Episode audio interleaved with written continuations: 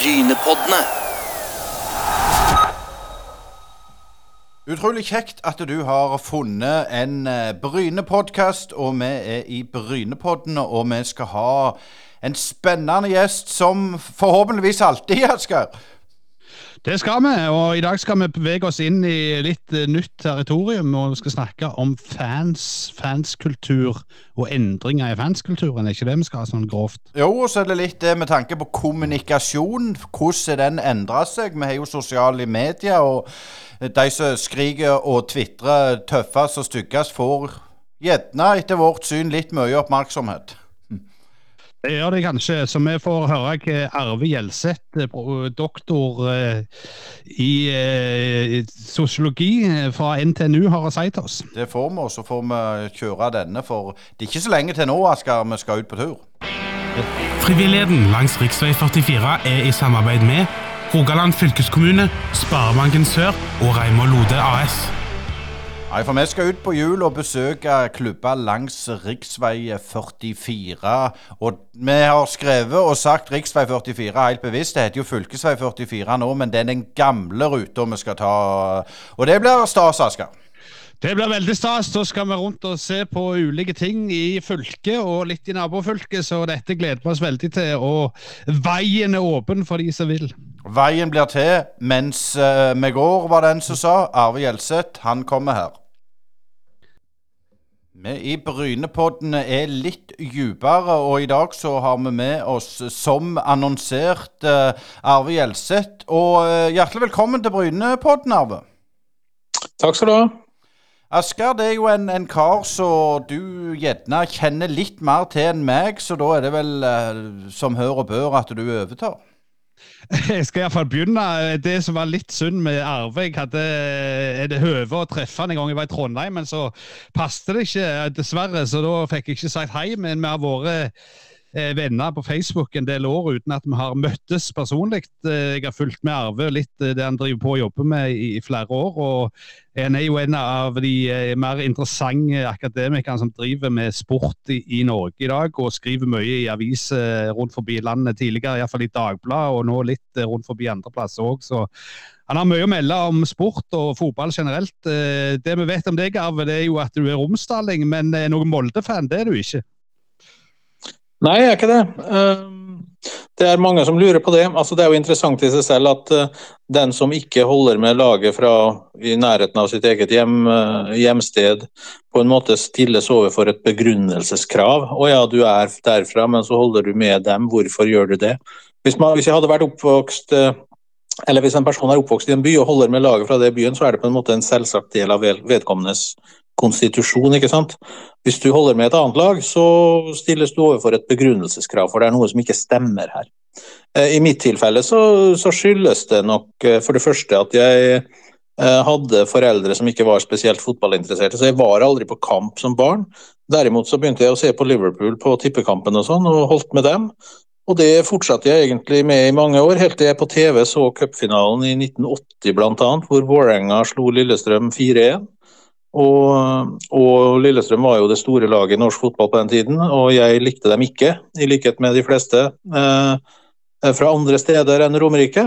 Eh, så jeg ble veldig fascinert av Vålerenga, og, og gradvis så ble jeg en slags tilhenger av Vålerenga. og Så ble det veldig forsterket når jeg da flyttet til Oslo i 1987.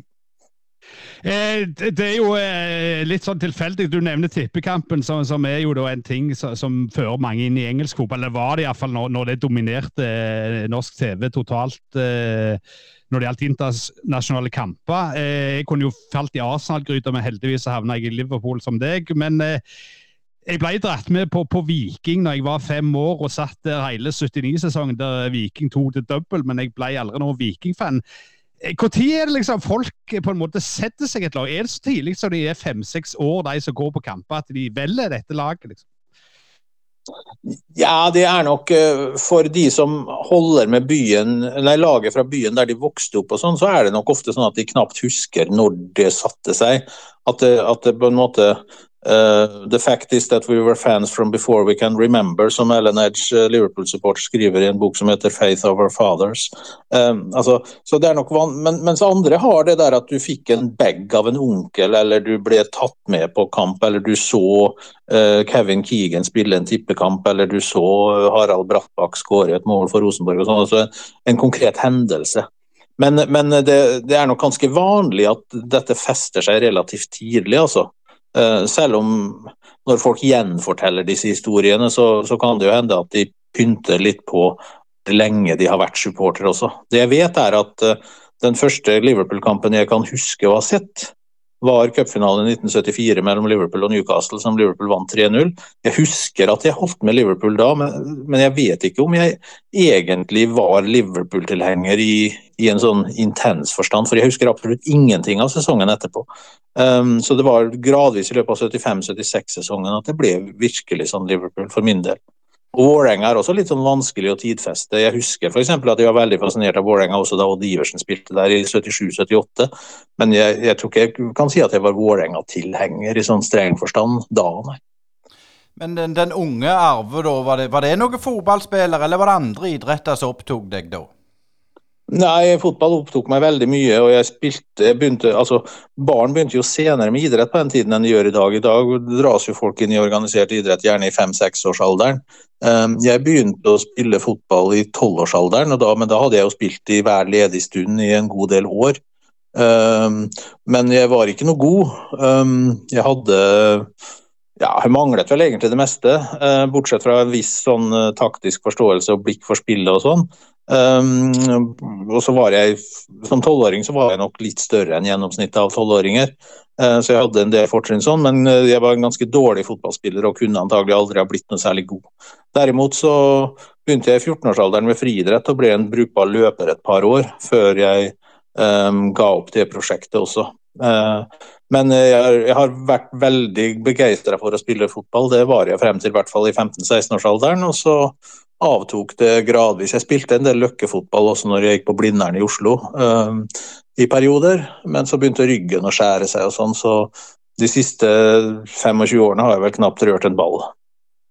Eh, du nevnte her eh, Oslo i 1987 eh, og, og forsterka dette med Vålerenga for, for, din del. Men kan du si litt om det som var blant fans i, i norsk fotball på den tida? Og du, du, var vel ikke gitt at du som tok da eh, høyere studie på, på, universitetet, eh, skulle skrive om fotball heller. For det var jo ikke helt kosher på den tida å skrive om fotball innenfor eh, sosiologien og den slags. Så det hadde ikke kommet den der sterke akademiseringa av forståelse av fotball, av fankultur osv. osv.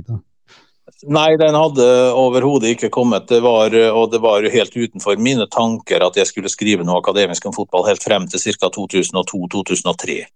Eh, så jeg holdt på med helt andre ting i sosiologisk forstand i mange, mange år. Eh, men jeg kjente til Hans Ågnestad, som du også kjenner, tror jeg. Eh, og jeg visste at han hadde vært på sånn feltarbeid i Edinburgh og skrevet om Hearts-reportere. og sånn, Men han var jo antropolog, så det var jo litt mer sånn esoterisk det enn sosiologi. og sånn, Så jeg, jeg, tenkte aldri den gang tanken på at jeg kunne ha gjort noe lignende om, om fotball. Men på, det var jo på en måte fotballforskningen, den samfunnsfaglige fotballforskningen vokste frem særlig i England fra 1970-årene. Eh, men da var det relativt sånn instrumentelt at poenget var å forstå og håndtere de økende problemene med tribuneuro og sånn som hersket på, som begynte å dominere på engelske fotballtribuner fra slutten av 1960-årene. Før det da fikk en mye rikere tematisk eh, innramming i løpet av 1990-årene. Så det er nok en nær sammenheng mellom fotballens eh, på en måte forflytning fra arbeiderklasselidenskap til et sånt postindustrielt, popkulturelt fenomen som det ble med Premier League i 1990-årene, og fremveksten av studier av fotball som en sånn, eh, hva skal vi si, ja, man begynte å studere fotball på samme måte som andre populærkulturelle fenomener blir studert. Men det er helt riktig at uh, på 1980-tallet så var det nok sånn da jeg kom til Blindern i 1987, så var ikke fotballinteresse noe av det første du på en måte flagget hvis du ville fremstå som litt sånn halvintellektuell. Snarere tvert imot, man måtte se fotball litt sånn i skjul.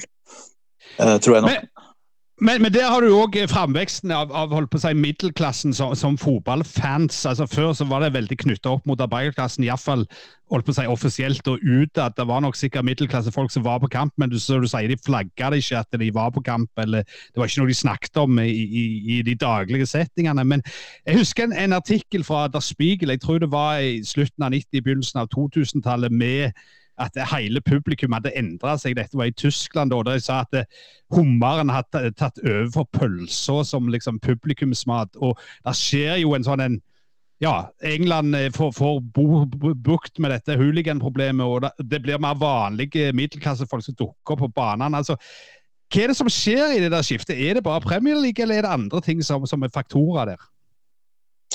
Det er nok, eh, altså Premier League er blitt symbolet på denne omdanningsprosessen, men det er klart det skjer mye mer grunnleggende ting også, knytta til klassesammensetning i befolkningen og, og knytta til at eh, fotballklubbene endelig begynner å forstå at de må oppgradere stadionanlegg, sånn at flere enn filleproletariatet har lyst til å se på. ikke sant? Altså, eh, hvis du skal få alle slags folk til å gå på fotballkamp, så må du f.eks. ha relativt uh, anstendige toalettfasiliteter. Det var det ingen som brød seg om i engelsk fotball i 70-80-årene. ikke sant? Uh, folk kunne stå på tribunen og pisse for den, uh, for den del, for de hadde jo drukket såpass med øl at de rakk seg ikke ut uansett. Og, og de ville ikke gå glipp av kampen. så det var en viss sånn, altså standardheving som lå til grunn, og det gjorde gradvis da spillet litt mer attraktivt også for andre. Hvorvidt hummer var noe spesielt populært på tyske tribuner i, for 20 år siden, det ville jeg ikke ha sagt noe, men det skjer en sånn forflytning. og Det, det husker jeg veldig godt selv. altså når jeg kom til Oslo og begynte å se på Vålerenga-kamper, så var det jo ikke eh, Jeg var jo aldri inne på tanken om å stille meg blant den de, den grupperingen som var forløperne til det vi i dag kjenner som klan, det var helt utenfor min virkelighet, som kom fra Blindern, på en måte. Det var jo den gang i hovedsak Oslo østgutter. Men i løpet av 1990-årene så skjer det da en voldsom eh, popularisering av det å være fotballsupporter. Med Vålerenga, Lillestrøm, til dels Brann, og, og, litt senere Rosenborg-Tjern og sånn, som markante elementer og hvor da eh, det plutselig blir stuerent også for akademikere å, å, delta i denne type litt sånn karnevalistisk eh, fellesskap. Sånn at uh, En mangeårig redaktør for vpn.no, altså en av Vålerenga-supporternes nettsider, som har eksistert i over 20 år, allerede i 1999, eller hva det var. Han var da professor i astrofysikk. Det hadde vært helt utenkelig tiår tidligere i hvert fall at han hadde vært en markant fotballsupporter blant den eh, litt sånn uh, rufsete forsamlingen som, som Vålerenga-supporterne på slutten av 80-tallet ble oppfattet som. Eh, du nevnte Hans Christian Hognestad. Vi hadde jo han som gjest i Brynepodden i episode 10, så bare anbefaler våre lyttere til, til, å gå tilbake til den. Men, men er jo litt tilbake til det du sa med det, med det å, å, å, være eh, såkalt intellektuell. Eh, nå er jo du det, så det var ikke såkalt jeg mente. Men når ble det stuereint på en måte å være en fotballfan i Oslo? Var, var det på 90-tallet, eller, eller, følte du at det var en annen tid det, det ble, ble greit, liksom? Jeg vil si at Den definitive overgangen skjedde nok i løpet av årene med Drillo som landslagssjef. og sånn. Ehm, jeg husker f.eks. da Lyn hadde var satset ganske hardt i 1991-1992. Så traff jeg på en eller annen kamp så traff jeg en eh, en studiekamerat av meg som studerte filosofi. og Han, han var opprinnelig fra Molde, uh, han også. Og han var tydelig at han lekte med tanken om å engasjere seg i dette lynlaget, som for han som litt sånn Blindern-spire fremsto som litt mer ryddig og ordentlig enn Vålerenga. Og det virka som Lyn hadde noe stort på gang. Det gjorde faktisk det et par år da, tidlig på 90-tallet. Eh, så, det var noen sporer til at det, det kunne bli et sånt Blindern-fenomen eh, allerede på den tiden. Men det er nok fra midten av 90-årene at dette slår igjennom for alvor. Da blir på en måte eh, Altså klanen vokser vel med mange tusen medlemmer fra 1996 til 1997 f.eks. Og blir et sånt popkulturelt fenomen som som blir, altså blir, De får så mye omtale at folk får lyst til å være med bare fordi det får så mye omtale. Altså, det, det, er en sånn selvforsterkende motebølge nærmest som gjør at fotball blir populært, og det begynner å spre seg på uh, ja, I alle slags kafébordsamtaler og sånn, så begynner det å bli legitimt også blant de velutdannede å snakke om fotball. Og, og, så hadde jo da norske, de norske fotballfremgangene med Nils Arne Eggen og Drillo og sånn i løpet av 90-årene eh, gjort at eh, det gikk an å snakke fotball, om fotball på en litt annen måte enn, eh, annen måte enn tidligere. Altså, de bidro sterkt til å akademisere fotballsamtalen, sånn at kanskje også akademikere følte at de hadde noe å bidra med. Eh, fordi det plutselig var et språk som også tiltalte dem. Men jeg tenker på i denne tida her så har du jo eh, Eller hadde Apeberg og litt sånne eh, så der fanbaser Var det det i denne tida òg, når det ble litt mer stuereint, eller ble de på en måte Måtte de gå for seg sjøl? Er det noen studier på det? Nei, det som skjedde var at altså, de litt sånn røffe miljøene, som, særlig i Vålerenga, som jeg kjenner best til, de litt sånn røffe miljøene som, som hadde sitt utspring i, i 1980-årene, de ble gradvis større. Og så, og så, var det en del sånne episoder som gjorde dem litt sånn stuerene og populære. Eh, Anders Krystad, hvis noen husker han, han jobber vel i dag fortsatt i NFF, tror jeg. Sto f.eks. i spissen for en sånn stor eh, innsamlingsaksjon midt på 90-tallet for å redde Vålerenga. Og så, og så fremsto han plutselig som en sånn, altså han fremstod som det han er, en ganske sympatisk skikkelse. Så begynte folk å få litt mer respekt for disse raringene. og Da blir det på en måte flere som trekkes mot dem. Men disse akademikerne som ble fotballsupportere gradvis, da, de, de, de, endret jo ikke kulturen så veldig mye, selv om det ble mindre slåssing og kanskje litt mindre fyll enn det hadde vært. og sånn. Men, men, først og fremst så adopterte de eller de måtte på en måte adoptere de etablerte praksisene for å oppnå anerkjennelse på dette feltet. Eh, sånn at de, Det var ikke sånn at de som da beriket supporterkulturen av akademikere fra slutten av 90-årene. Begynte å sørge for at fotballsupportere drakk rødvin i stedet for øl, f.eks. De måtte drikke øl de også for å bli tatt på alvor. Så de, de, adopterte på en måte det de oppfattet som den tradisjonelle fotballsupporterkulturen. Eh, men samtidig så, så ble miljøet litt rikere fordi det besto av folk med en langt mer variert bakgrunn. Etter hvert så kommer jo stadig flere jenter også inn i en del av disse miljøene. Men litt om eh, synergieffekten, for du sier Vålerenga var jo tidlig ute med sånn organisert fan. I Bryne så har vi supporterklubben Baddy, som nå eh, markerer 40 år. Men de besto av fem eh, mannfolk på en benk, og så kom seinere det som i dag kjennes som fanbasen til Bryne, eller den offisielle supporterklubben. Men er det liksom det at når Vålerenga har det, så skal vi òg ha det? For før kunne en gå på en Brynekamp f.eks., eller en Vikingkamp, og så sto du der på store stå. Det var ikke noe organisert. Det var ikke noe Det var folk som ropte og heia, og de, de gikk ikke i drakter. De, de, hadde ikke uniformert seg, og slengkommentaren kom jo der òg, men, men, det var ikke noe organisert sånn som det var i Vålerenga. Men hva synergivekt snakker vi om her? Det er litt vanskelig å si. Altså, på slutten av 80-tallet var det nok Vålerenga og Lillestrøm som hadde de mest sånn, aktive supportermiljøene, som hadde sånn relativt fast repertoar av sanger som de faktisk sang. og sånn. Og så, og så var det jo en del miljøer sånn i Bergen, men i Bergen så har jeg alltid oppfattet det som litt mer fragmentert i lange perioder. At det kanskje var litt flere grupperinger uten at det var noe sånn uh, tydelig enhet uh, i det. Men det er nok fra særlig Lillestrøm og Vålerenga, at dette sprer seg til de fleste andre klubbene. Og så, og så sprer det seg eh, gjennom at man også henter sånn internasjonal inspirasjon og sånn.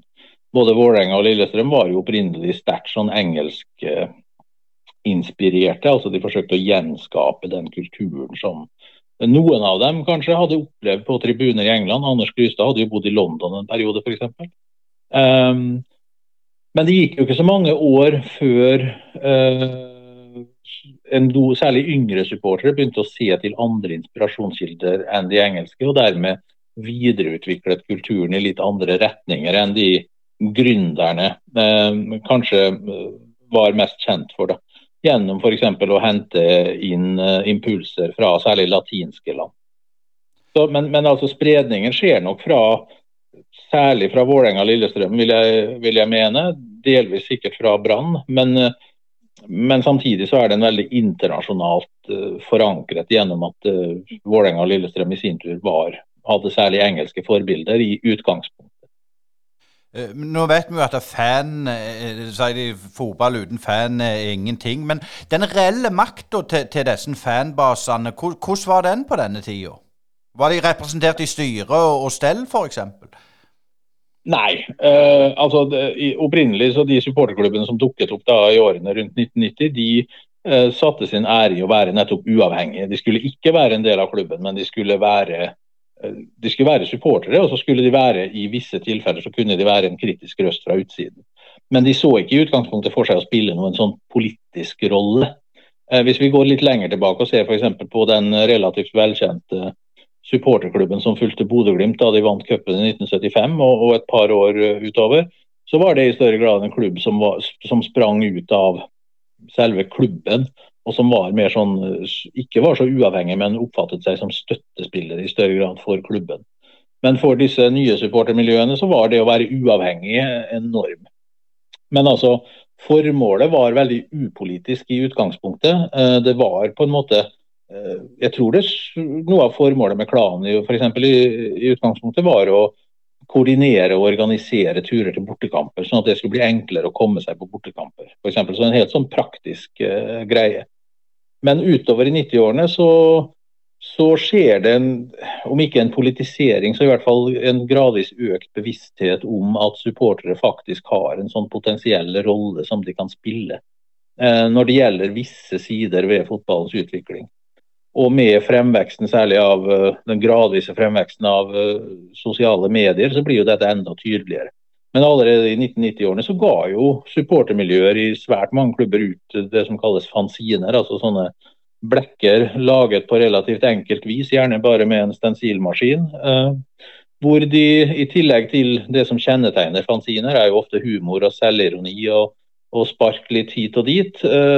Men hvor det også var tekster som kunne f.eks. kritisere eh, ens egen klubb og prioriteringer som blir gjort av både sportslig, økonomisk og, og, organisatorisk karakter. Og ikke minst så har jo supportere alltid vært kritiske til NFF og alt de måtte finne på. Så det, det, skjedde nok en sånn gradvis politisering, men det var ikke derfor disse supporterklubbene ble opprettet i utgangspunktet.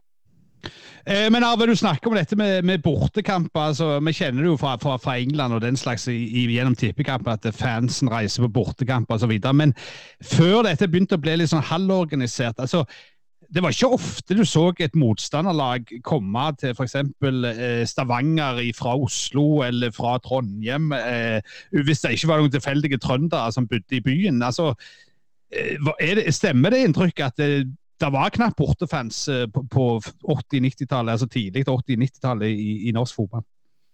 Nei, det var ikke bortefans som, var, som dro sammen. Det, var, det, skjedde i svært liten grad. Det finnes nok noen unntak, som at det fantes Vålerenga-supportere som dro til Lillestrøm på 80-tallet, og det fantes Lillestrøm-supportere som dro til Hamar, f.eks.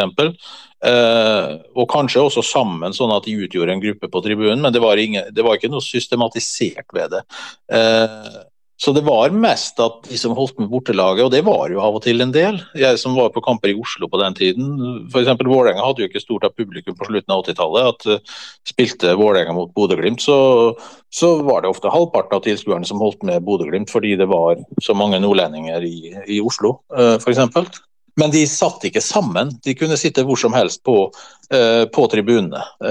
Sånn at det var veldig spredt. Så det er, det var, det var, ingen organisering av turer til bortekamper og sånn. Det er noe som kommer med supporterklubbene. Litt, det, det, er litt sånn interessant. Nå er jo jeg fra, fra Bryne oppvokst på Klepp, og, og jeg er liksom flaska opp det at vi skal, vi skal, Jeg liker ikke å bruke ordet hater, men vi liker jo ikke Vålerenga, for det er liksom eh, byasa og sånn. Er det mye sånn, eller, eller er, er, det mer sånn at i dag misliker med de som vinner, på en måte? Eller er det noe sånn kulturelt der, tror du?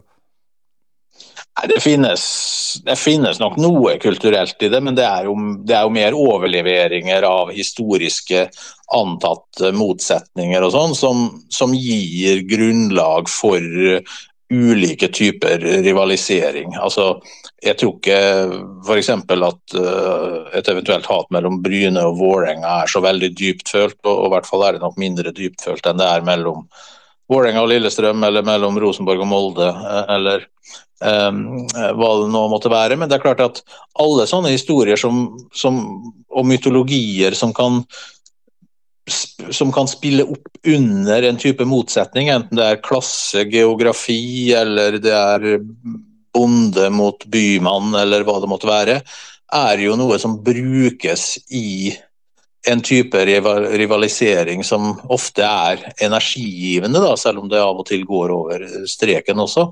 Eh, så jeg tror man, man, tar tak i de historiene man, uh, man, kan bruke for å markere at man er annerledes enn sin motstander. Uh, og Der er jo f.eks. Bryne Viking veldig sånn nærliggende, i og med at det er ganske nærliggende steder.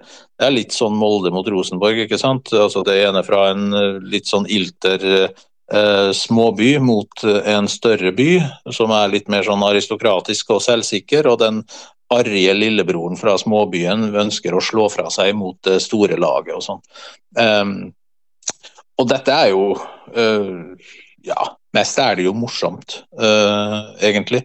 Uh, og, og, jeg tror for fotballsupportere så er det viktig og eller Fotballsupportere er opptatt av å viderefortelle og bygge videre på den type rivalisering for å skape mening til sitt eget engasjement, på en måte. Eh, hvis, jeg, hvis, jeg, får følge opp litt der, så, så, så har du sånn, eh, det vi kan kalle for kanskje en vandrende rivalisering. altså Det begynte jo, du nevnte Bryne Viking, 80-tallet. Så kom Sandnes Ulf, og så ble det Bryne Sandnes Ulf en periode. Og så rykka Bryne ned i, i posto, og så ble det plutselig Bryne Eik som var de store rivalene. Går en enda lenger tilbake, så er det Bryne Ålgård. Da er du tilbake på 40-tallet og sånn. Men er det òg en del av gamet at du skifter på en måte hatobjekt etter hvor du ligger i, i, i seriesystemet?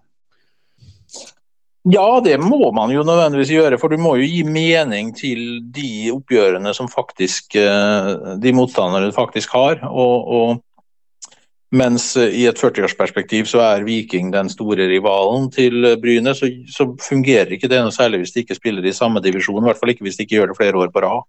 Så dermed så må man på en måte reorientere seg kontinuerlig.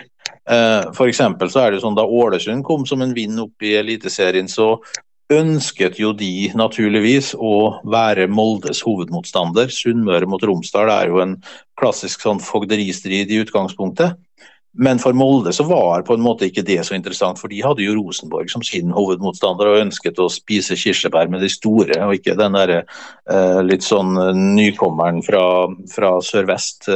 Så, så, men for Ålesund så er det da viktig som identitetsskapende faktor at de kan definere seg som Moldes hovedrival mens Molde orienterte seg nordover. I dag er jo kanskje et lag som Kristiansund litt i den samme eh, situasjonen. Eh, Kristiansund og Molde har jo slåss om sykehus i 10-12 år, så vidt jeg vet. Og, og, Der er det jo godt grunnlag for eh, rivalisering. Samtidig så der også så merker man vel at Molde er litt mer opptatt av Rosenborg enn av Kristiansund. Og, jeg tror folk i Molde gleder seg mer til Rosenborg-kampen enn de gjør til Kristiansund-kampen.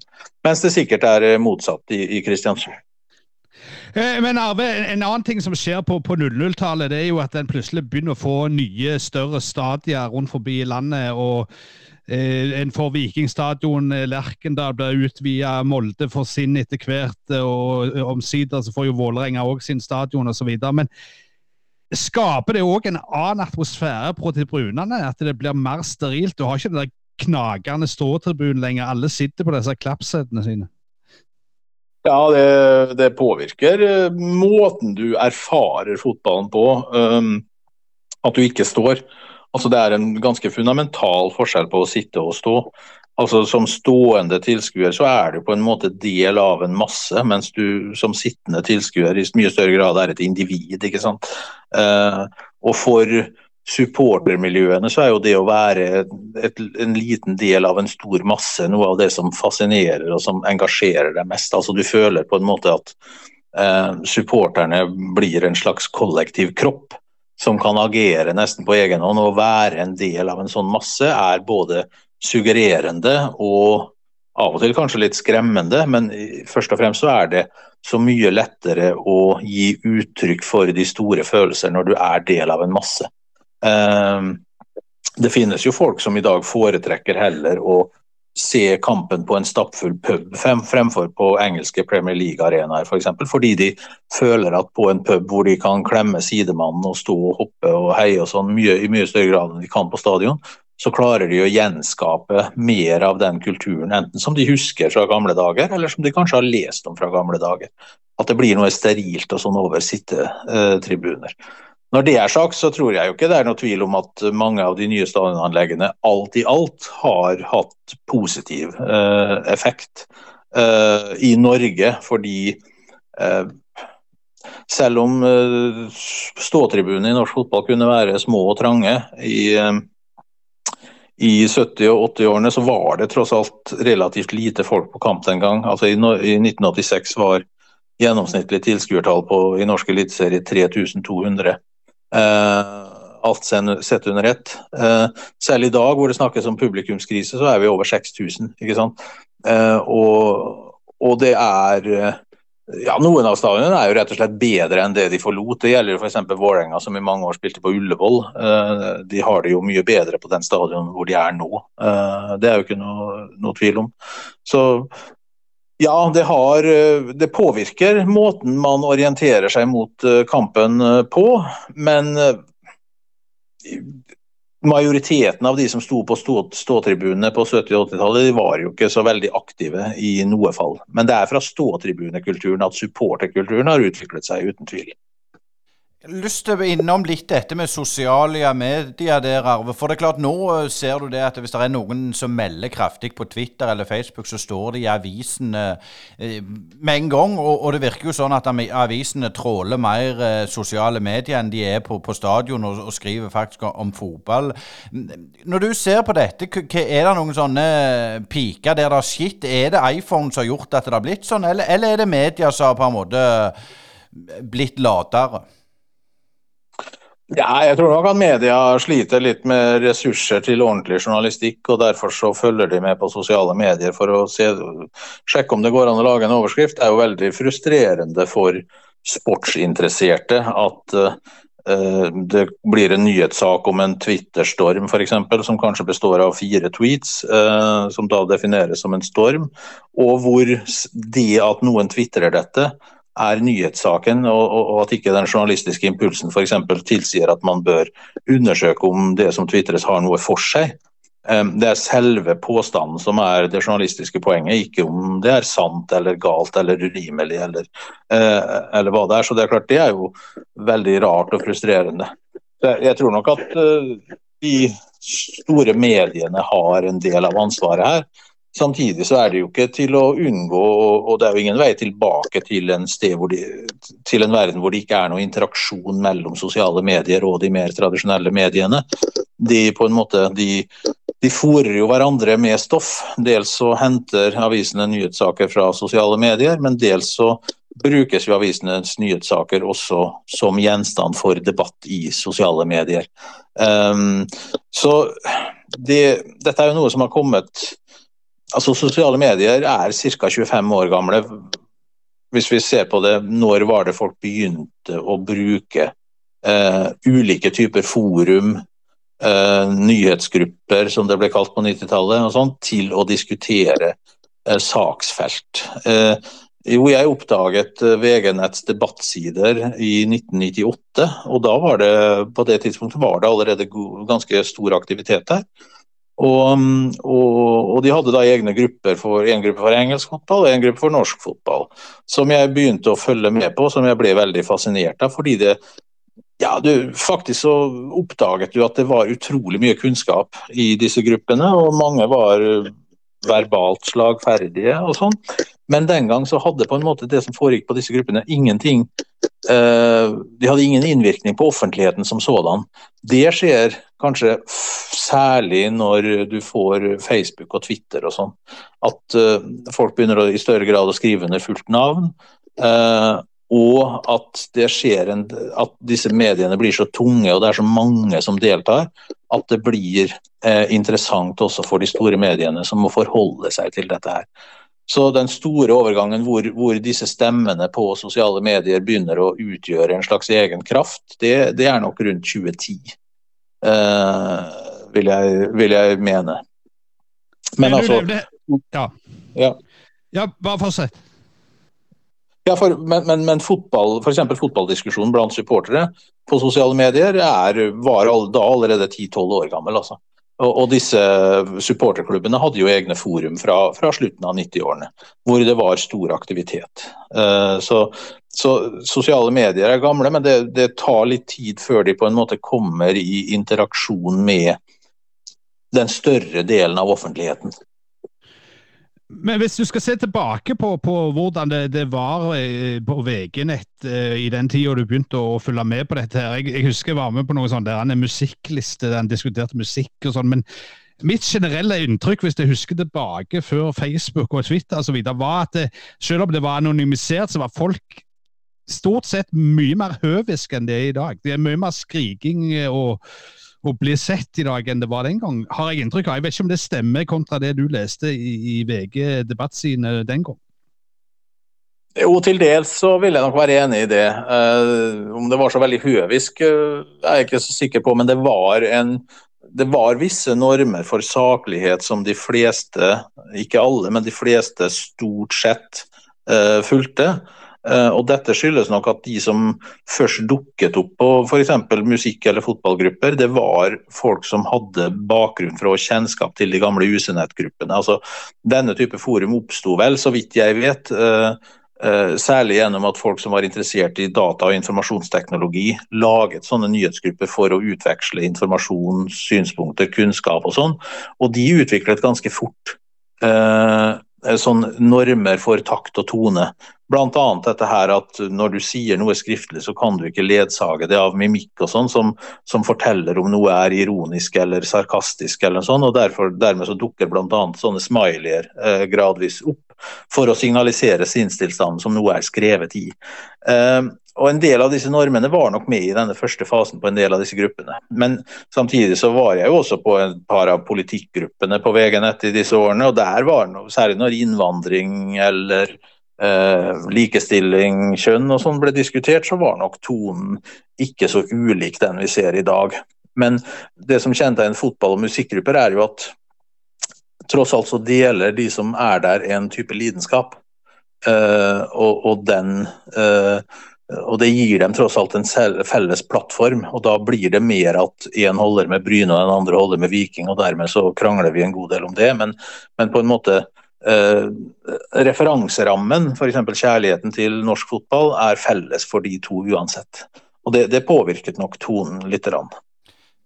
Men jeg tenker på å sette de på en måte standard på hva som skulle diskuteres i disse gruppene. For du ser sånn som det er i dag, så, så, er det jo de som setter standarden. En tweet fra, fra en, en, et styremedlem eh, eh, i en supporterklubb, så står det jo i VG dagen etterpå. Når kom den eh, voldsomme eh, der? For jeg følte jo den, de, de, de gruppen du sier på 90-tallet, så var det jo ikke sånn at, at, at, at media heiv seg på med en gang, iallfall.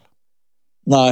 Um, nei, det tror jeg skjer mer med, med, det som vi i dag kjenner som sosiale medier. Som, som i fotballsammenheng så er jo Twitter uh, veldig viktig, men uh, også en del Facebook-grupper og en del Facebook-profiler kan nok ha en viss uh, innflytelse. I, I, tillegg sikkert til til eh, en del eh, sosiale medier som jeg er som gammel mann er litt dårligere kjent med. Men, men altså det skjer nå, det er nok skjedd en, eh, tydelig i løpet av de siste ti årene og skyldes at uh, disse mediene har fått så stor utbredelse at når personer som har en viss status eller autoritet uh, uttaler seg der, så, så, blir det fort en nyhetssak også. Uh, det var helt utenkelig for, for 20 år siden. Men for noen deler av offentligheten så, så, så, så, hadde det nok en viss innflytelse allerede den gangen. Jeg husker en av de diskusjonene jeg analyserte da jeg skrev doktoravhandlingen min. Det, det var på Vålerengas uh, Klan sine supportersider, tror jeg det var, i 2005. Hvor de, uh, en del supportere klaget veldig på at Vålerenga kjerke ble spilt altfor lenge før kampstart på Vålerengas hjemmekamper. Vålerenga kjerke er jo for Vålerenga det You'll Never Walk Alone er for Celtic og Liverpool-fans. ikke sant?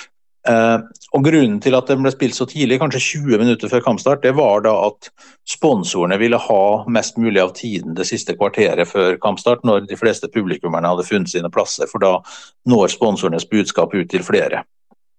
Men det reiste seg en veldig proteststorm mot dette, og det var på Klans forum, som ikke akkurat var folkelesning. Men, men, etter en tid så klarte de å få justert uh, tidspunktet for avspillingen av Vålerenga kjerke med fem til ti minutter, så vidt jeg husker, som, som følge av disse diskusjonene. Så det fantes nok eksempler på at de kunne virke inn på i dette tilfellet fotballklubben også den gang, men det er det, sånne typer interaksjon mellom sosiale medier og beslutningsnivået, enten det er i organisasjoner eller i politikk, er veldig mye tydeligere i dag. Men Hvilken innflytelse har dette på, på klubber? Altså, kan du få styre som er litt svake, og at du får mye press fra folk som du ikke vet engang om går på kamp, men som holder med, angivelig holder med et lag? Altså, kan en få den der effekten at styret sier ok, vi fyrer treneren, vi bruker mer penger enn vi har fordi vi skal tilfredsstille dette, denne stormen? At de det ikke står så mye i stormen som når en før kunne sitte på et styrerom. altså Karikaturen er jo en gjeng med dress og sigar som gjør vedtak, og så, så that's it, liksom. Men i dag så, så, så har en inntrykk av og til at det, eh, klubber, liksom, ledelse og styre eh, føyer seg etter fansens eller massens ønske. liksom. Ja, det er en, eh, helt sikkert en veldig stor utfordring. Fordi det ved å forsøke å lodde stemninger på sosiale medier, så er det veldig liten sjanse for at du fanger på en måte folkemeningen. Eh, for det er jo den som skriker høyest som får størst oppmerksomhet. og, og, og gjennom mobilisering så kan et mindretall få seg selv til å se ut som et flertall etc. Eh, så hvis eh, et styre er for lite oppmerksom på den type mekanismer, så er det et utvilsomt problem. I tillegg til det problemet som ligger i at mange styreverv i mange klubber er jo fortsatt eh, enten helt ubetalte eller de er uh, dårlig betalte. Det er, noe, det er, jo noe folk tar på seg frivillig. og, og utsette seg, eller risikere å utsette seg for den type eh, storm på sosiale medier som av og til inntreffer, er jo ikke noe særlig behagelig. Så det er jo heller ikke noe, noe godt grunnlag for å rekruttere frivillige til tillitsverv i idretten når sånne ting oppstår. Så Rune Bratseth var vel inne på det når han trakk seg fra eh, Rosenborg-styret her i vår også, at uh, å ha et sånt ubetalt verv i styret gir ikke så veldig mye igjen når alt man får er uh, kritikk, og ofte relativt uinformert kritikk på, på sosiale medier. Men du, du snakker om, om, sosiale medier, og du snakker om, om fans som synger og, og er synlige. Men det er jo vitterlig ganske mange tilskuere som sitter der og ser kamp, og som ikke lager noe særlig støy. Altså den såkalte tause majoriteten. Eh, er det i hele tatt noe en kan si om denne gruppa her, og, hvordan den eh, spiller inn i dette her, pingpongen mellom ledelse og, og de mest ihuga fansen? Nei, ikke, ikke, generelt, tror jeg. Du vil nok finne folk som ikke gir mye lyd fra seg på tribunen, som likevel kan være ganske høyrøstede på sosiale medier, for det første. Eh, men det er klart at det er Tilskuere på en fotballkamp de har veldig mange ulike roller. Altså, eller de, de, oppfatter seg selv på ulikt vis. Altså, de mest sånn selvbevisste supporterne ser jo på seg selv som en aktør i eh, fotballritualet, og de ønsker å påvirke ikke bare kampens utfall gjennom å synge og hoie og herje, men de ønsker også å, på en måte å ha en stemme inn mot fotballens beslutningsprosesser. Altså De er på en måte både tilskuere og deltakere. Eh, mens den jevne tilskuer er jo mer en sånn passiv konsument av en tilskueropplevelse. Og hvis hun eller han syns at opplevelsen har vært OK, vel, så kjøper jeg kanskje billett neste gang også. Eh, hvis ikke, så lar jeg være. Men altså, for den sistnevnte typen så er jo ikke på en måte klubben styre og stell kanskje noe sånn spesielt vesentlig spørsmål som uh, han eller hun bekymrer seg så veldig for i hverdagen. Og dermed så kommer jo den stemmen heller ikke frem i og, og, man orker ikke engasjere seg på samme måte i det som måtte være av diskusjoner om, uh, om styrets kompetanse eller mangel på sådan. Eh, så, så, det er klart at hvis du ser tilskuerne under ett, så, så, vil det bli en veldig skjevhet dersom det sprer seg en oppfatning blant de mest engasjerte, eh, den mest engasjerte delen av fansen om at eh, noe er råttent in the state of styret, eller, eller, hva det måtte være. Ja. Så det er klart det er veldig vanskelig å fange hvordan stemningen egentlig er, samtidig som hvis du oppfatter deg først og fremst som en tilskuer som kjøper en billett til en kamp for å bli underholdt i to timer, og, og, og ferdig med den saken, så, så, er det jo ikke sikkert at uh, den stemmen har så mye verdi, eller kan, bør tillegge så mye vekt utover det heller. Det som du sier der, at, at folk er du nevner Eh, nevner Runar Bratseth der. Eh, eh, men det er klart at mange trenere ser på sosiale medier. Og jeg har selv sett en del meldinger de får, særlig selvfølgelig når det går dårlig. Det er æreskjelling, det er under beltestedet så det holder. Men det som jeg syns er litt rart, at klubbene ser jo ut som at de på en måte stilltiende aksepterer det. For de vet jo hvem det er, men de tør ikke gjøre noe med det. Hvorfor tror du det er sånn? Nei, det vet jeg ikke. Altså, hvis det er Altså, jeg tror nok at uh, det, det, det, koster ganske mye å ta uh, sånne kamper, hvis du ikke bare prøver å En strategi er å roe ned folk. Det, I den andre enden så har de jo ytringer som er klart ulovlige, og i så fall så kan man jo naturligvis straffeforfølge dem. Men uh, jeg tror nok at det er, Sosiale medier er ikke gamle nok. altså Folk har ikke rik og, og, og, lang nok erfaring med dem til at man helt har fått taket på verken hva som foregår, hvorfor de av og til arter seg som de gjør, eller hva man kan gjøre med det. Så jeg tror nok at veldig mange, både klubbledere og sånn, de famler litt i blinde hvordan de skal forholde seg til dette her, altså. Uh, men det er klart at det kan jo hende at de støtter den utskjelte internt, selv om de eh, kanskje føler at de bare gjør vondt verre ved å, å ta opp kampen på Twitter, eh, liksom. Jeg, jeg, kan i hvert fall se for meg at det er noe sånt som av og til eh, ligger bak. Eh, men det, men, det, vet jeg ikke, og tror jeg, der tror jeg variasjonsbredden er ganske stor også. Litt om, om, eh, de der årene vi har bak oss nå, med tomme tribuner og fotball uten publikum. Det må jo ha vært ganske interessant for deg i jobbsammenheng å se litt eh, hva effekt av dette er. Kan vi dra noen kjappe konklusjoner om hva de der tribunetomme kampene gjorde? Ble fotballen dårligere? Er det like godt, eller er det andre ting som Kan vi leve uten fans, for å si det sånn? Nei, det kan vi ikke. Eh, jeg tror at eh, fotballen blir veldig steril og, og kjedelig også for TV-publikummet dersom det ikke er publikum til stede. Og Jeg syns jo disse forsøkene som en del TV-selskaper gjorde med å legge på falsk stadionlyd, var veldig enerverende og eh, ødeleggende. Og for meg som ser fotball, når jeg ser fotball, så er stadionlyden mye viktigere for meg for å fange stemningen og det som skjer, enn kommentatorlyden er. Hvis kommentatoren faller ut av tekniske årsaker, så bryr jeg meg ikke så mye. Men hvis stadionlyden faller ut, så, så, så synker uh, stemningen også i min stue uh, betraktelig. Så utover det så, så tror jeg at Jeg tror folk så at det var ganske veldig annerledes og ganske trist. Kanskje man kunne ha vent seg til det på, på sikt, men jeg, jeg, tror at blant de lærdommene man har, kan ta med seg, så er det at tilskuere og, og, fans og, at, og, og, fans som lager stemning og atmosfære på kampen, er viktig også for TV-publikummet, ikke bare for de som er på stadion. Det, det, tror jeg man kan eh, ta med seg. Eh, men så er det klart at det er andre utviklingstrekk i fotballen som gjør fremtiden veldig usikker. Eh, altså hvor lenge og hvor mange som vil være med videre av de som på en måte er mest engasjert i dette her.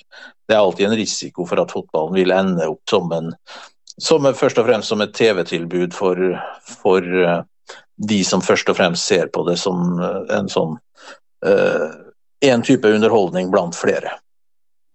Eh, jeg tenkte der at vi skulle inn i en, en strafferunde nå og endre litt eh, idrett. For, for, du er jo litt involvert i, i skiskyting òg. Fortell litt om det. Ja, nei, altså, jeg, når jeg hadde skrevet den doktoravhandlingen og et par artikler til, og sånn, så, så, var jeg litt sånn usikker på veien eh, videre. Men, så det jeg har gjort, jeg har skrevet bl.a. Jeg kaller meg av og til for publikumsforsker. Og med det så mener jeg at jeg er interessert i alle slags typer publikum og relasjon mellom sal og scene, eller mellom bane og tribune, eller til og med mellom publikum i en kinosal og det som foregår på kinolerretet, for den del. Så En av de tankene som slo meg for en god del år siden, var at det kanskje kunne vært interessant å studere en annen idrett og se hvordan publikum Eh, oppfører seg der i forhold til fotball, f.eks. om de perspektivene som er utviklet i, i samfunnsfaglige studier av fotball, kan brukes til å kaste lys over eh, atferden til andre typer idrettspublikum. Um, og Da var det jeg kom til skiskyting, som jeg syns er en fascinerende sport. Ikke minst fordi den er så populær i deler av Mellom-Europa, Tyskland, Tsjekkia bl.a.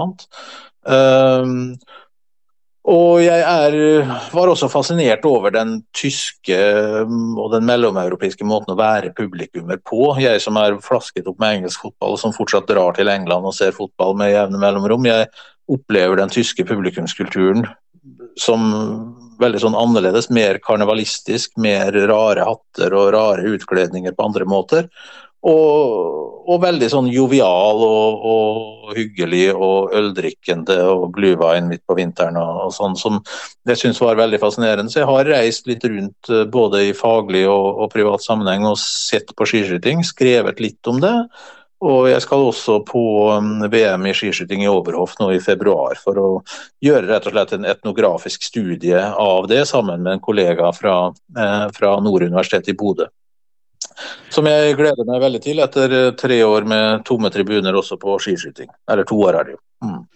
Men litt apropos du toucha inn på dette med, med tysk eh, tribunekultur. altså En ser jo det f.eks. I, i Dortmund, som vi da har blitt kjent med gjennom Erling Haaland på Jæren iallfall, og, og tidligere med Klopp og sånn. Men der kommer jo fansen tidlig, og så står de der og drikker øl, og så er de der. Og så de, blir de òg værende igjen etter at kampen er slutt og fortsetter å drikke øl. altså i Norge har jo den der kampen slutt, alle skal hjem. Litt samme i England òg, stikke litt før for, å slippe køen hjem. Hva, er forskjellen der, tror du? Nei, altså, jeg, jeg spekulerer litt nå, altså, men, men altså den, den, tyske publikumskulturen altså den er nok den er nok veldig mangfoldig. altså det er klart at uh, Dortmund, altså Gelbe vant i, i, Dortmund, ligner jo mer på den type fotballsupporterkultur som du tradisjonelt har funnet i Italia, til dels også Latin-Amerika, uh, England og sånn. Men du har også Men den er litt sånn festivitas, karnevalsorientert i større grad enn den engelske, som er litt mer sånn individualistisk og uh, ja uh, hva skal jeg si Uh, Jeg tror ikke at de mest ihuga Dortmund-fansene kler seg så veldig ut. Da jeg var Dortmund, i Dortmund en gang, så satt jeg på motsatt side av den, den hovedsupportertribunen.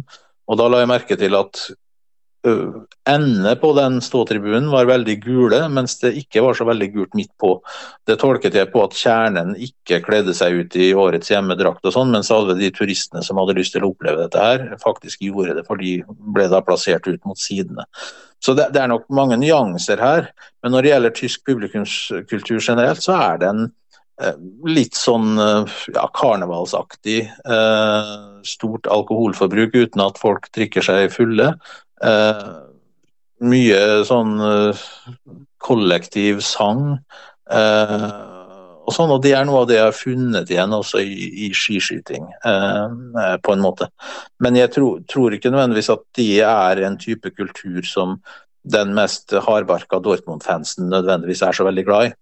Det er nok helt klart tydelige distinksjoner der. Vi er jo alle tre er vokst opp i en, en æra eller en periode der eh, det ikke var så mye annet enn å gå på fotballkamper på søndag ettermiddag i Norge, og tilbudet på fjernsynet var begrensa til lørdag ettermiddag. Eh, I dag så ser han i mange klubber rundt forbi, og det er et gjentagende spørsmål som vi har i denne podkasten. Du ser at eh, publikum ofte blir mye gråere enn de var for 20-30 år siden. Er fotballfansen i ferd med å bli forgubba i Norge, iallfall? Ja, den forgubbes nok eh, til veldig mange steder. Det skyldes delt, eh, dels høyt prisnivå, men dels skyldes det naturligvis også at eh, ja, ungdom har veldig mange andre ting å finne på. Og det er ikke opplagt at, at fotball fra seks til åtte på en lørdag kveld er den mest attraktive måten å tilbringe fritiden på. I 2014 så så jeg en det var, det var vel en av disse Guardian-journalistene som skrev om det, tror jeg, at uh, gjennomsnittsalderen på Newcastle sine sesongkortholdere hadde økt med ti år de siste ti årene. Altså, Det var de samme menneskene som hadde sesongkort, og Newcastle selger mye sesongkort. altså. Uh, og dermed så var det jo ikke plass til yngre, men, men var, generelt så var det lite tilsig av yngre. Og jeg syns vel også, med noen unntak, så ser jeg relativt få 18-åringer, 18-20-åringer, og for ikke å snakke om 16-17-åringer på, på, norske fotballtribuner i dag. Altså, det skjer nok en, en viss sånn uh, forgubbing, ja. Og, og jeg har jo en sønn som er 19, han har aldri vært interessert i fotball, men jeg hørte aldri om at det var så vanlig at mange i klassen gikk og så på Rosenborg og sånn, når han gikk på ungdomsskolen f.eks. Det, det tror jeg først og fremst var de som var veldig fotballinteresserte som gjorde det. Det var ikke noe sted å møtes, på en måte, eh, sånn som det var eh, da vi vokste opp, i mye større grad. Så jeg er jeg er litt i tvil om hvor lenge fotballen kan holde på sin suverene posisjon som stadion, publikumsidrett på stadion, mens det nok, det nok vil uh, leve godt i mange år på TV-publikummet, uh, vil jeg anta fortsatt.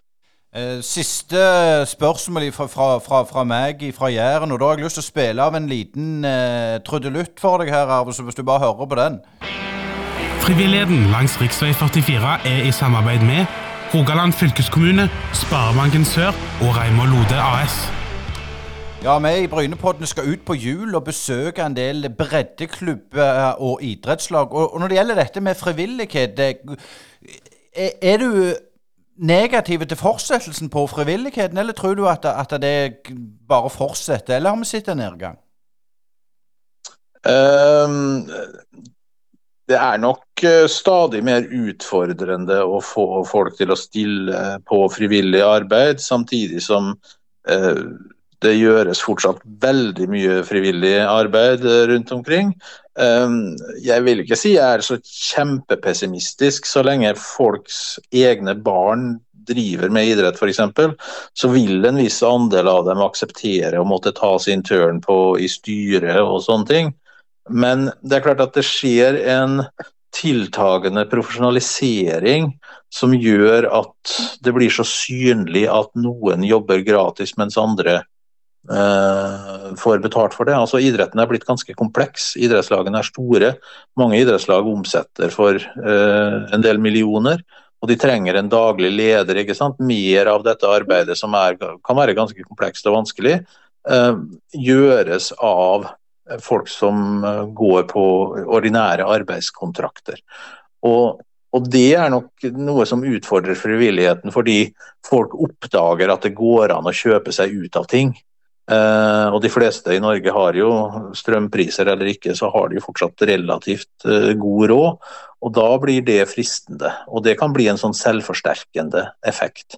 Dessuten er det nok sånn at uh, en del frivillighet er Altså Det er en egen kultur som må vedlikeholdes.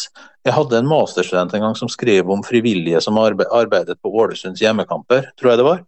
Og I de intervjuene så kom det frem at de som var frivillige, de ville faktisk sluttet hvis de fikk betalt for det. Eh, altså Selve frivilligheten var selve hovedpoenget, men å gjøre det til en økonomisk transaksjon var ikke interessant for dem. Eh, litt som da eh, Ja, det, det, finnes tilsvarende studier fra, når det gjelder blodgivning som viser at folk som gir blod av altruistiske og uegennyttige grunner. De, de, har en tendens til å slutte hvis uh, man tilbyr, peng, tilbyr, dem penger for det. Eh, og hvis den eh, hvis profesjonalisering og det å kjøpe seg ut av frivillig arbeid fører til at den type tenkemåte svekkes, så er det en stor utfordring for, for frivilligheten. det er det. Eh, men eh, slå gjerne et slag for frivilligheten. Altså, en ting er at du gjør en viktig jobb, men det er også en fantastisk måte å bli kjent med nye mennesker på. Jeg har vært til sammen sittet i styret i idrettslag i ti år, tror jeg. Eh, I tre ulike perioder. Og det er, det er tar litt tid, men det er utrolig givende. Eh, til slutt eh, her, Arve, eh, kan du si litt om dette med, med akademiklassifisering og akademi? og altså Noe av det som alle tenkte på, det var jo han sambygdingen eller han fra naboklubben som hadde spilt på landslag osv. I dag så kommer jo akademia inn og støvsuger litt lokalklubbene enda tidligere enn det som har vært gjør det òg at de mindre klubbene eh, blir mindre sett, og at det ender opp med en sånn eh, femtedivisjonsgjeng som ikke har den der briljante stjerna som kan skåre 40 mål på en sesong lenger? Ja, det vil jeg tro. Dette er jeg ikke noe ekspert på, men det er jo nærliggende å tro at uh, jo yngre folk er når de fanges opp av sånne talentfabrikker eller akademier eller større klubber, jo jo mindre vanlig blir det med den uh, sensasjonen som kommer fra uh, tredje eller fjerde, fjerde, nivå, og som plutselig får sjansen til å prøve seg på øverste nivå. Altså, Vi vil ikke få se så mange flere historier av typen uh, Rune Bratseth, som vel spilte i Nidelv på nivå tre eller fire, eller hva det var, helt til han var 21-22 år, før han plutselig tok steget til Rosenborg og, og lyktes med en, med en gang. Uh, så det det er klart det, det, gjøres mye mer profesjonelt dette med talentarbeid og sånn, og, og, noen mener jo at de rykkes opp fra moderklubbene sine for tidlig i, i mange tilfeller. Uh, og det, det kan vel utvilsomt tenkes. Det tror jeg mange av de som er eksperter på talentutvikling og sånn også vil være enig i. Ja, helt, helt til slutt må vi ha et spørsmål. Nå var det litt sånn løyen lyd her, men hva skjedde nå? Ja, du, det. ja, det er bra. Det var litt løyen lyd her, men det er greit. Vi må ha siste spørsmålet om uh, VIF Vålerengen. Hvordan går det med dem i år? Nå er de på en femteplass når vi snakker nå etter å ha slått uh, Lillestrøm, så du er vel happy? Ja, det går bra for tiden. Det, som Vålerenga-supporter så har jeg lært meg å ikke tro at noe tre gror inn i himmelen. Um, nei, altså det mest sannsynlige sånn det ser ut nå, er at uh, vi kommer til å ende på femteplass. Um, det vil være en middels prestasjon sett med utgangspunkt i forventningene før sesongstart, men det, det, er en veldig god prestasjon med utgangspunkt i hvordan det så ut i juni. Um, så jeg er relativt optimistisk og syns det har sneket seg inn en foruroligende stabilitet i, i dette laget. Um, og til tider så er det til og med litt morsomt å se på. Så det er veldig gøy. Og så er det jo veldig artig at for en gangs skyld ikke blir nummer sju, da. For det har vi vel vært altså vi har ikke vært, vi har vært midt på tabellen uten sjanse verken til nedrykk eller medaljekamp i mange, mange år på rad.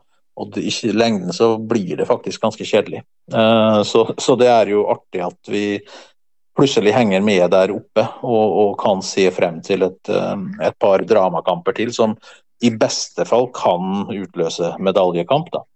Og så har du jo Europacup, som kanskje også er en sånn gulrot som det går an å håpe på til neste år. Det var et siste ord der. Og tusen hjertelig takk for du stilte opp i Brynepodden. Det var en sann fornøyelse å høre dine betraktninger om fotball og, og skiskyting. Arve Gjelseth, tusen takk. Bare hyggelig. En god time der med Arve Gjelseth, altså. Og ja, det var interessante betraktninger han kommer med der. Og for ordens skyld så, så, må vi jo si at det er en moldenser som holder med VIF Vålerenga. Det, det, er ikke så mange av heller, hvis vi skal dra litt sånn litt enkelt ut av dette. Nei, eh, det er jo noen som jeg vet om som har havna i uføre og bor på Jæren og holder med eh, brann og sånn, men det er jo eh, som regel så er det fra farssida det kommer, det der greiene. Men fascinerende historie, og Arve har jo store kunnskaper om dette med fankultur og hvordan det har utvikla seg og sosiale medier. Han er jo ikke villig til å undertegne ennå, men det som jeg syns var mest interessant, det er jo at han spår på en måte at fjernsynet vil overta for stadionfolket? Ja, det, får vi nå se. Den som lever, får se. Men eh, vi må òg eh, snakke litt om eh, Brynepoddene. En eh, podkast som går litt dypere, og jeg håpte du setter pris på det du hørte. Og vi setter pris på, på tips. Du kan tipse oss på våre sosiale plattformer i eh, Brynepoddene .podbean.com. Det er hjemmesida vår, og der er alle episodene som vi har lagd. Og der er det ganske mange, mange etter hvert. Og vi har jo òg et Vipps-nummer i 610828, 610828, som går til drift av podkasten. Og følg oss på LinkedIn, Twitter, YouTube, Facebook og Instagram. Det setter vi veldig pris på. Det var det vi hadde for eh, denne gang. Tusen hjertelig takk for du hørte på Brynepodden. Brynepoddene.